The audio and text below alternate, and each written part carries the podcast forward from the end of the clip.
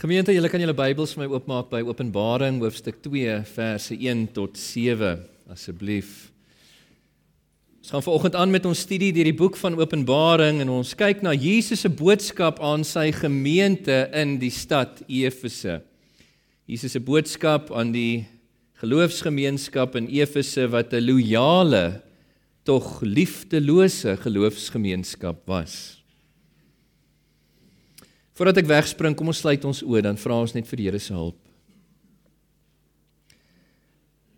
Here, alle ere aan U vir die groot genade, die wonder dat U in genade neergebuk het en U woord aan ons gegee het. Dankie dat ons vanmôre op die eerste dag van die week weer eens tyd kan afstaan, Here, om U woord aan ons te bestudeer.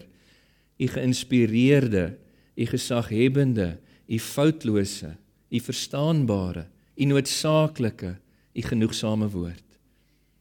Werk in ons harte 'n agting vir u heilige woord, Here.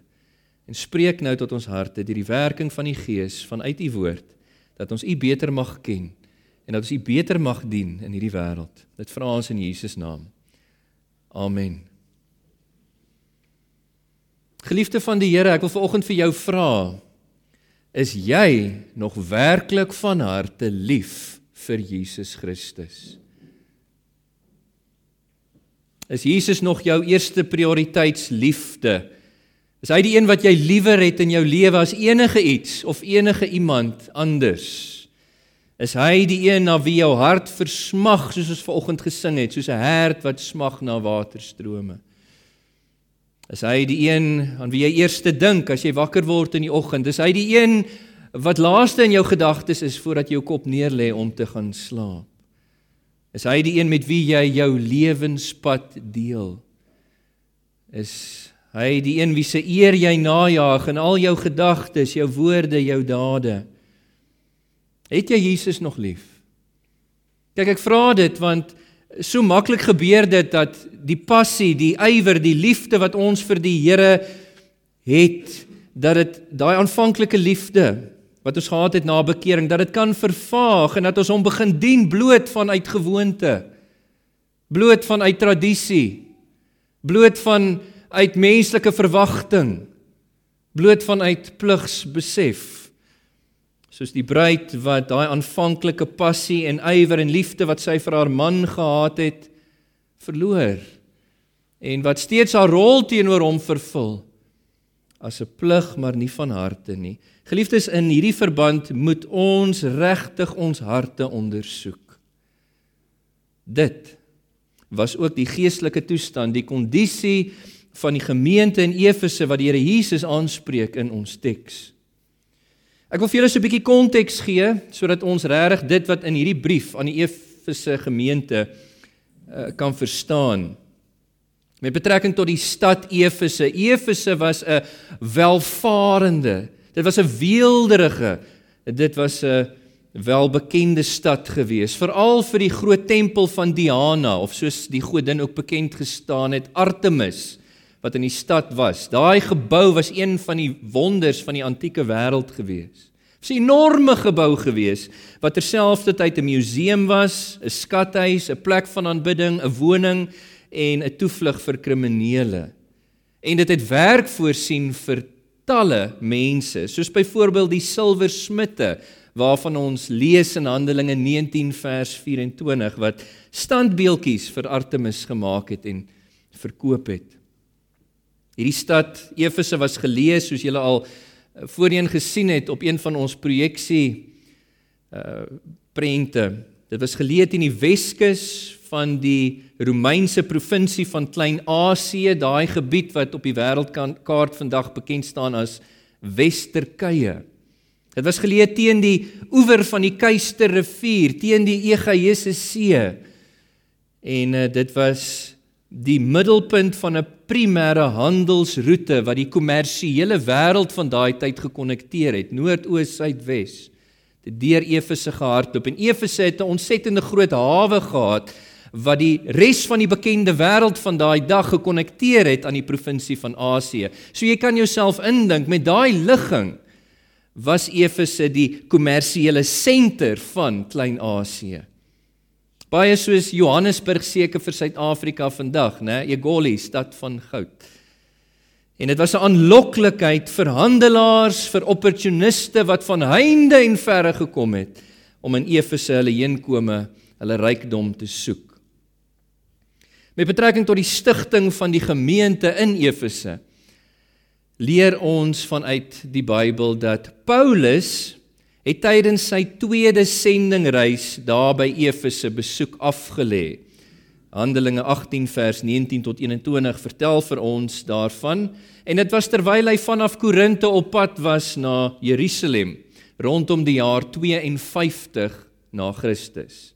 En Paulus, soos wat sy normale gebruik was, het daar in Efese op die Sabbat in die Joodse sinagoga die evangelie gaan verkondig.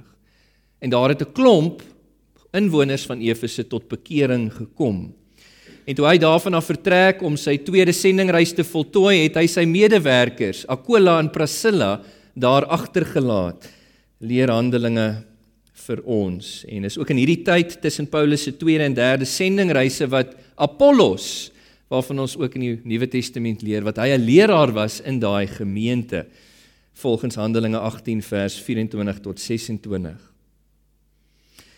Met Paulus se derde sendingreis het hy weer by Efese aangekom soos hy beloof het dat hy sou en hy het vir 3 en 'n half jaar hierdie keer vertoef daar in die stad volgens Handelinge 20 vers 31 en sy werk was ontsettend geseën in die stad en in die omgewing en die kerk daar in Efese het verskriklik gegroei in die vroeë 50er jare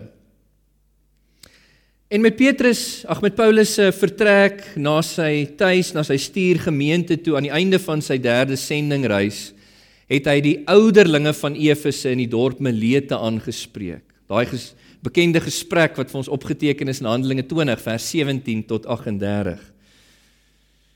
Dit was rondom die jaar 57 na Christus wat hy hulle toegespreek het en in daai gesprek het hy hulle gewaarsku met betrekking tot valse lering en valse leraars wat die Efese gemeente sou binnendring. Handelinge 20 vers 28 tot 31. Later met Paulus se huisarrest in Rome waarvan ons lees aan die einde van die boek van Handelinge het hy die brief aan die Efesiërs gemeente wat ons in die Nuwe Testament het geskryf. Uh dit geskryf in die jaar 2000 ag jammer die jaar 62 na Christus saam met drie ander briewe Kolossense, Filippense, Filemon. En dit was kort na die jaar 62 na Christus dat Paulus se waarskuwing aan die ouderlinge van die Efese gemeente omtrent valse leraars, valse lering waar geword het. En wat Paulus besluit het om die jong predikant Timoteus daar in die stad agter te laat. En dis ook toe hy 1 Timoteus geskryf het aan Timoteus in Efese en hom vermaan het in daai brief om die valse leraars, valse leringe in die gemeente teen te staan en die gemeente te beredder, soos ons lees in 1 Timoteus 1 vers 3 en 4. Na Paulus het Johannes die apostel op die toneel verskyn. Volgens vroeë tradisie was Timoteus vervang in die gemeente deur die apostel Johannes in die jaar 66 na Christus as die leraar van daai gemeente. En hy was daar gewees in die gemeente tot en met sy dood rondom die jaar 100 na Christus min of meer. Nou Johannes was in daai kort tydjie wat Openbaring uh, geskryf was uh, in die tydens keiser Domitianus se regering was hy na die strafkolonie van Patmos verban soos ons gelees het uh, in Openbaring 1 vers 9 hy was daar om strafarbeid te doen soos hy gesê het ter wille van die woord van die Here en die getuienis van Jesus Christus maar volgens tradisie het Johannes nadat Domitianus vermoor was was hy vrygelaat van Patmos af en het hy teruggegaan na Efese die stad toe. En in sy ou dag was hy weer lidmaat en leraar daar in die gemeente en van daar Johannes die apostel se belange by hierdie gemeente in Efese en ook die ses ander gemeentes wat naby geleë was waar hy ook 'n invloed gehad het. Met betrekking tot die situasie tydens die skrywe van hierdie brief in Openbaring 2 vers 1 tot 7 wil ek drie feite onder julle aandag bring wat ons moet onthou wat ons gaan help om hierdie brief goed te verstaan. Nommer 1: Hierdie gemeente was bedreig deur vervolging. Ons kan onsself indink as 'n kommersiële senter van Asië was Efese baie gewild vir opportuniste, vir handelaars, vir ambagsmanne van heinde en verre soos ek genoem het wat spesifiek die afgodsaanbidding daar in die stad as 'n middel gebruik het om 'n bestaan te maak of om hulle rykdom te verdien. En hulle het die Christene vervolg want soos wat die Christene die evangelie verkondig het in Efese, het daai afgodsdienaars tot bekering gekom. Het hulle hulle afgodsbeeltjies weggemaak ensovoorts en het hierdie handelaars, hierdie ambagsmanne kliënte verloor. Daarom was die Christene vervolg. Blaai saam met my in julle Bybels na Handelinge hoofstuk 19 toe. Dan kyk ons na 'n spesifieke situasie in hierdie verband. Handelinge 19 vanaf vers 17. Verskoon tog. Die woord van die Here sê dit het bekend geword onder al die Joodse en Griekse inwoners van Efese, dit wat die Here deur Paulus gedoen het. En vrees het hulle almal oorval. En die naam van die Here Jesus is verheerlik. Baie van diegene wat gelowig geword het daar in Efese het na vore gekom, belydenis gedoen, hulle praktyke in die openbaar bekend gemaak. 'n Hele aantal van hulle wat towery bedryf het, het hulle boekrolle saamgebring en voor almal daar verbrand. Hulle het die waarde daarvan bereken en bevind dat dit 50000 silwerstukke werd was. En so het die woord van die Here kragtig bly groei en steeds sterker geword in Efese. Mense is gered. Let nou op vers 23 sê juis in daardie tyd het 'n groot oproer van geen geringe omvang nie plaasgevind oor die weg. Dit is Christendom in Efese. 'n Man met die naam Demetrius onder andere, 'n silversmid wat 'n Artemis ehm um, of Artemis beeltjies uit silwer vervaardig het, het 'n inkomste wat glad nie gering was nie aan die ambagsmanne verskaf.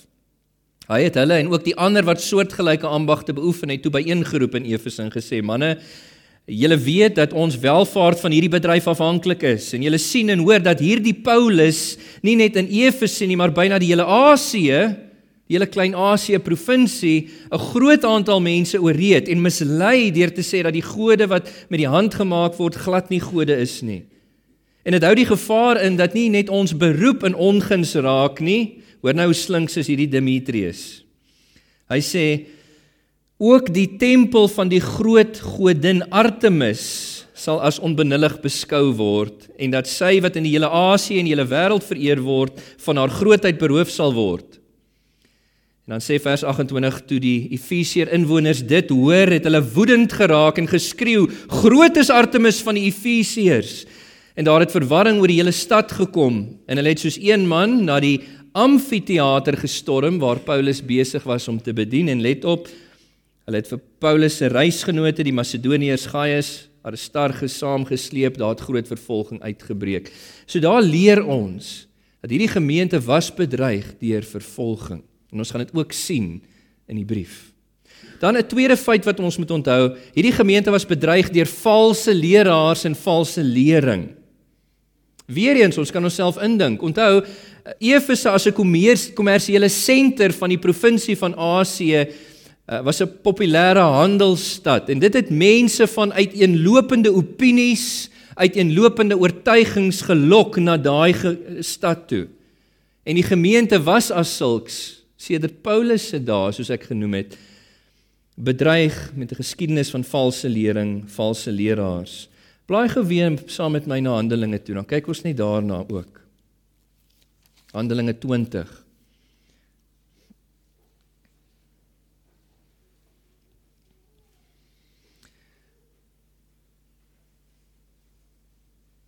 Handelinge 20 vers 17 sê uit Melete die dorpie het Paulus se boodskap na Efese toe gestuur en die ouderlinge van die gemeente ontbied.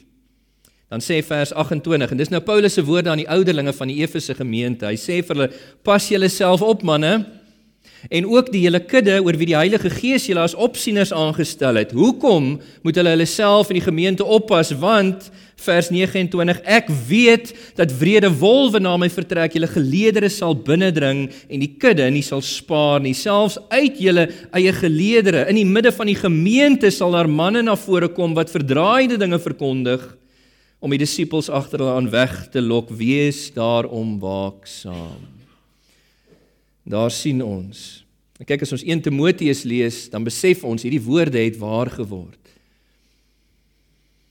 Dan word die gemeente was nie net bedreig deur vervolging nie, maar ook deur valse leraars leringe. En uh 'n derde ding wat ons moet onthou, dat hierdie was 'n ouer gemeente. Baie belangrik. 'n Ouer gemeente. Die boodskap van Openbaring 2 vers 1 tot 7 was ongeveer 40 jaar nadat die gemeente gestig was, gegee aan hulle. Onthou die eerste gelowiges het in die stad Efese rondom die jaar 52 na Christus tot geloof gekom met Paulus se tweede sendingreis.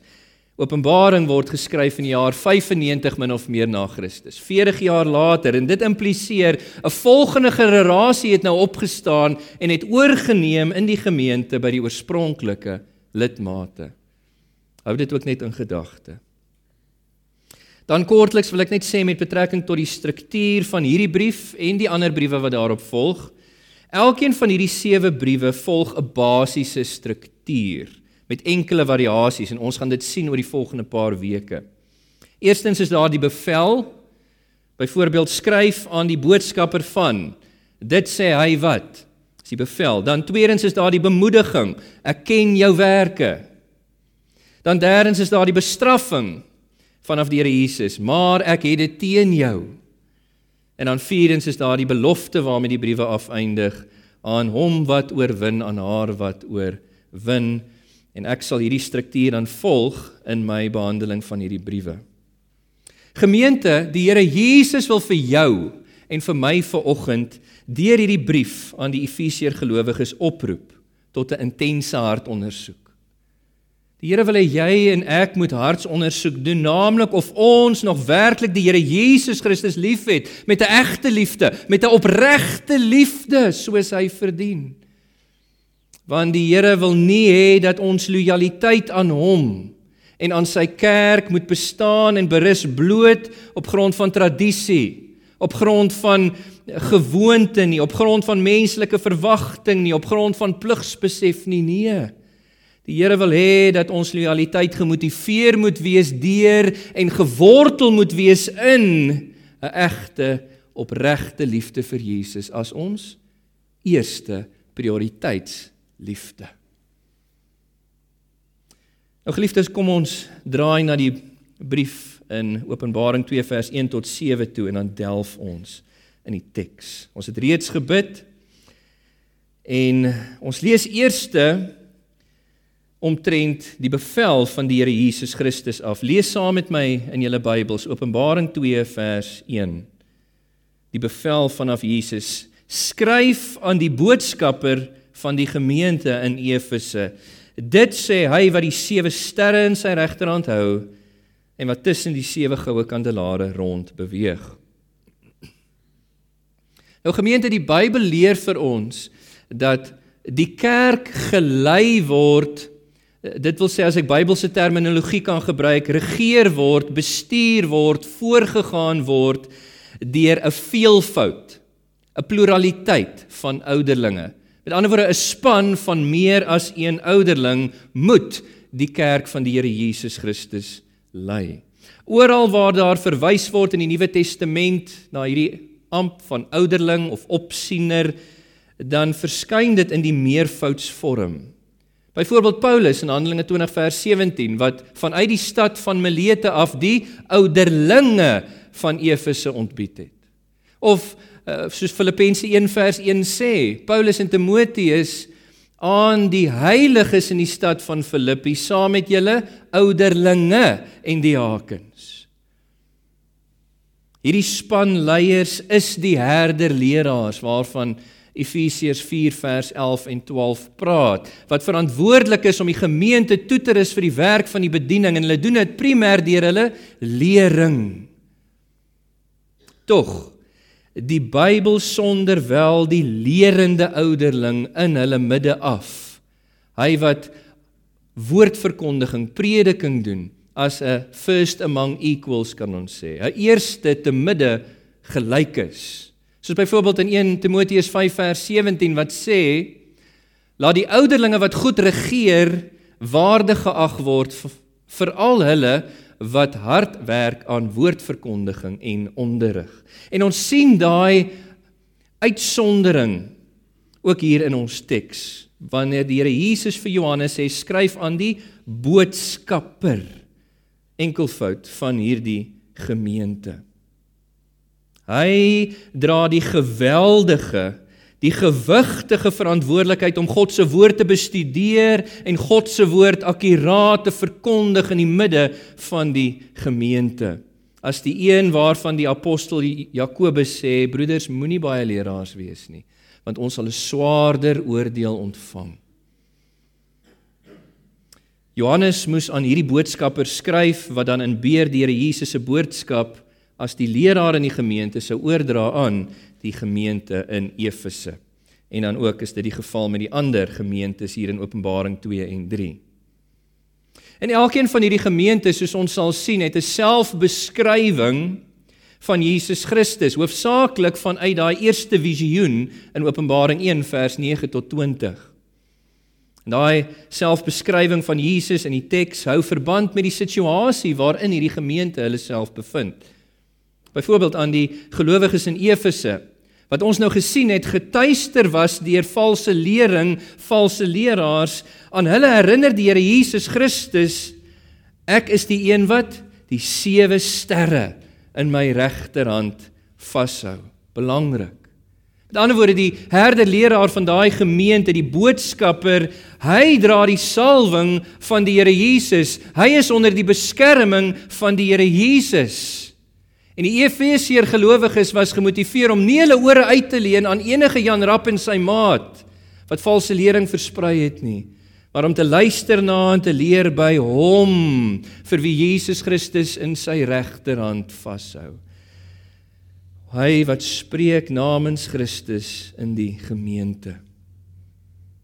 Ook aan hierdie gelowiges in Efese wat getuister was nie net deur valse lering en valse leraars nie, maar ook deur vervolging, herinner Jesus in sy selfbeskrywing hier dat hy is die een wat tussen die kandelare beweeg. En dit moes vir hulle uiters vertroostend gewees het. Hy wat in hulle midde was, betrokke teenwoordig, hy sien, hy weet wat hulle deurmaak.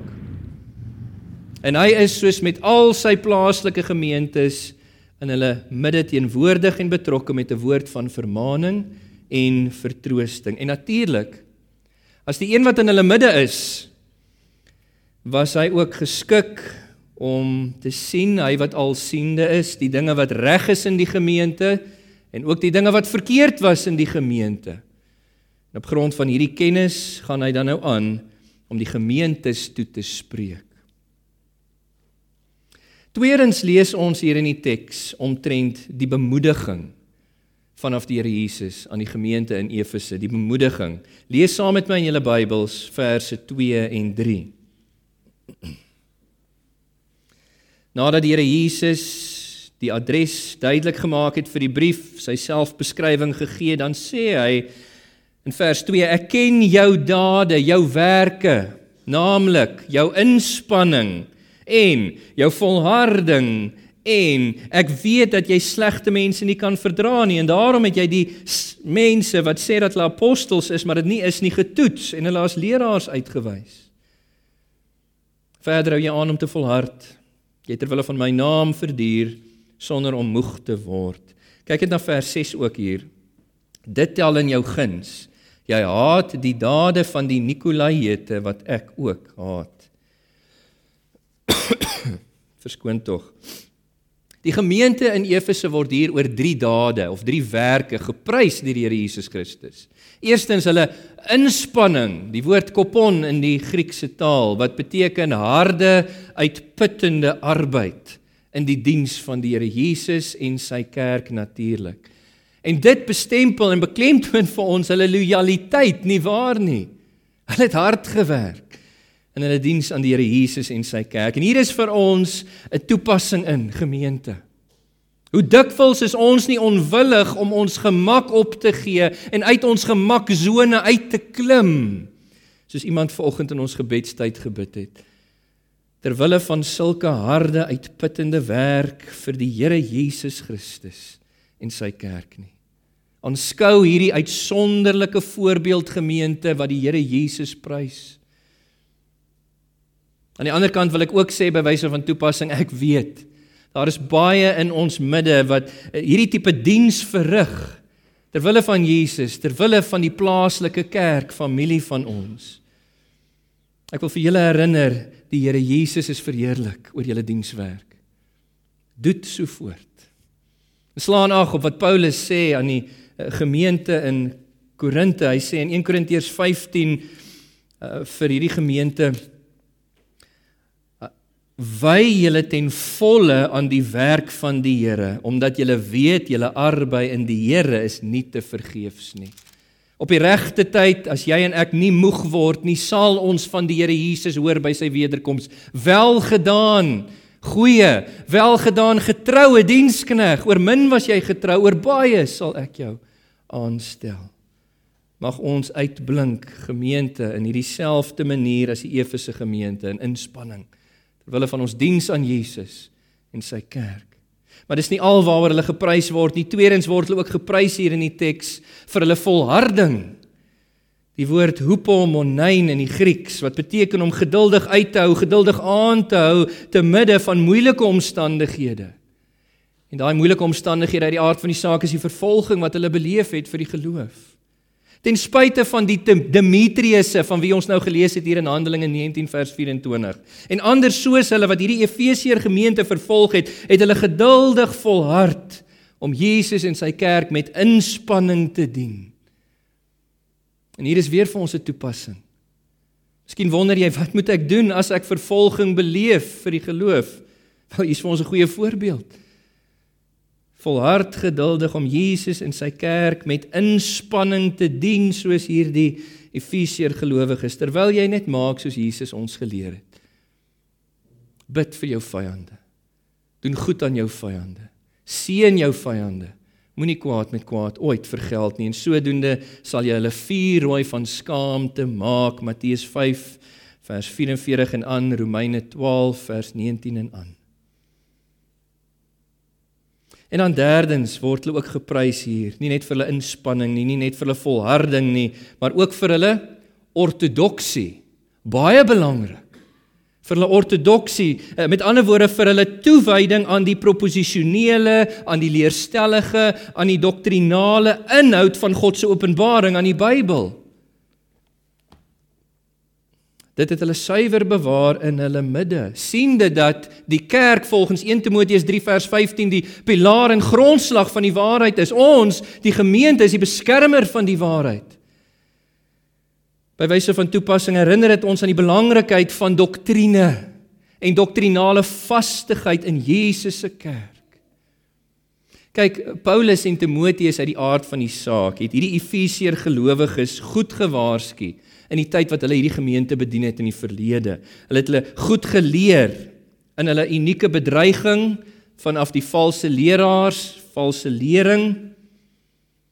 En hulle het 'n gesonde mate van kritiesheid gehad met betrekking tot slegte mense, daai slegte mense wat ons van lees in vers 2, selfaangestelde leraars wat dit nooit moes wees nie, wat hulle self apostels noem. En hierdie gemeente het daai individue getoets. Nou in hierdie verband word daar in vers 6 vir ons hier genoem 'n spesifieke voorbeeld. Die gemeente in Efese het teenstand gebied teen die Nikolaïete. Nou, ons leer vanuit vers 14 hier in hoofstuk 2 dat hulle was volgers heel waarskynlik van 'n man met die naam Nikolaus wat geleer het, aangemoedig het in die naam van Christelike vryheid 'n vorm van bandeloosheid of licentiousness. Heel waarskynlik geleer het dat aangesien gelowiges geregverdig word voor God uit genade alleen deur geloof alleen in Jesus Christus alleen, kan julle maar betrokke raak by die godsdienstige, kan julle maar betrokke raak by die immorele gebruike van die afgodedienaars om julle. Dis waarskynlik wat hier aangegaan het.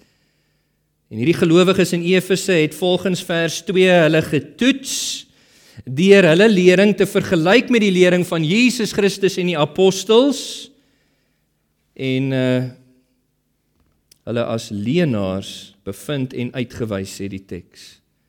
Weereens 'n toepassing vir ons gemeente. Jy en ek moenie ons ore uitleen aan enige een nie. Jy en ek moenie ons kansel in hierdie gemeente uitleen aan enige een nie. Volgens die Efesiërs se voorbeeld moet ons verantwoordelikheid neem vir onsself, vir ons geliefdes, vir ons gesinne, vir ons gemeente om onsself te bewaar in die leer van Jesus en die apostels van slegte mense, selfaangestelde leraars wat dit nie moes wees nie, wat Jesus en die apostels se lering verdraai. Dit was Jesus se begeerte, né? Hy wat gebid het, Heilig hulle Vader in u waarheid. U woord is die waarheid. En uh, ons sien in vers 3, ek wil net vinnig dit onder julle aandag bring wat hierdie Efesiër gelowiges se geheim was vir hulle inspanning, wat hulle geheim was vir hulle 'n volharding, naamlik hulle het dit gedoen ter wille van die naam van die Here. As hulle dit ter wille van hulle self gedoen het, sou hulle lankal uitgesak het. Dis ter wille van die naam van die Here wat hulle lojaal was teenoor Jesus. Dan derdens in die teks lees ons omtrent die bestraffing van die Here Jesus aan hierdie gemeente in Efese, die bestraffing van Jesus. Kyk gou saam met my in julle Bybels na verse 4 en 5. Ten spyte van hulle lojaliteit sê Jesus vir hulle ek hou dit teen jou dat jy jou eerste liefde versaak het. Onthou dan waarvandaan jy uitgesak het, bekeer jou, gaan doen weer wat jy vroeër gedoen het, anders as jy nie tot bekering kom nie, sal ek na jou toe kom, jou kandelaar van sy staanplek af verwyder. Vers 7a sê: Laat die wat ore het luister na wat die Gees aan die gemeentes sê. Nou ja, die gemeente in Efese Sy lojaliteit aan Jesus ter wille van sy naam was prysenswaardig. Ek dink as enige observeerder van buite af hierdie gemeente moes dophou, sou dit gelyk het soos die modelgemeente, nie waar nie?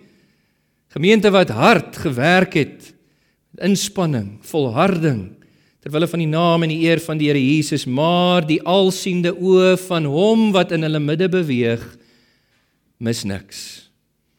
En hy sê daar is iets gemis in die gemeente, naamlik 'n egte, 'n opregte liefde vir Jesus. Ek het dit teen jou vers 4 dat jy jou eerste liefde versaak het. Kyk, hardwerkende gelowiges en per implikasie hardwerkende gemeente kan gou vreugdeloos raak, selfs gou verbitterd raak as hulle inspanning en hulle volharding nie konstant gemotiveer word as 'n reaksie op Christus se onvoorwaardelike, onverdiende, onverklaarbare liefde vir hulle nie, soos hy dit bewys het deur sy kruis. Ons moet onthou, liefde vir Jesus is die primêre deugde in ons verhouding met God. Daarom het hy geleer die heel eerste en belangrikste gebod is dat ons God liefhet met ons hele hart, siel, krag en verstand. Liefde is die eerste vrug van die Gees waarsonder die res van die vrug van die Gees nie veel waarde inhou nie. Liefde is so belangrik. Daarom skryf Paulus in 1 Korintiërs 13 al praat ek tale van mense en engele en ek het nie liefde nie.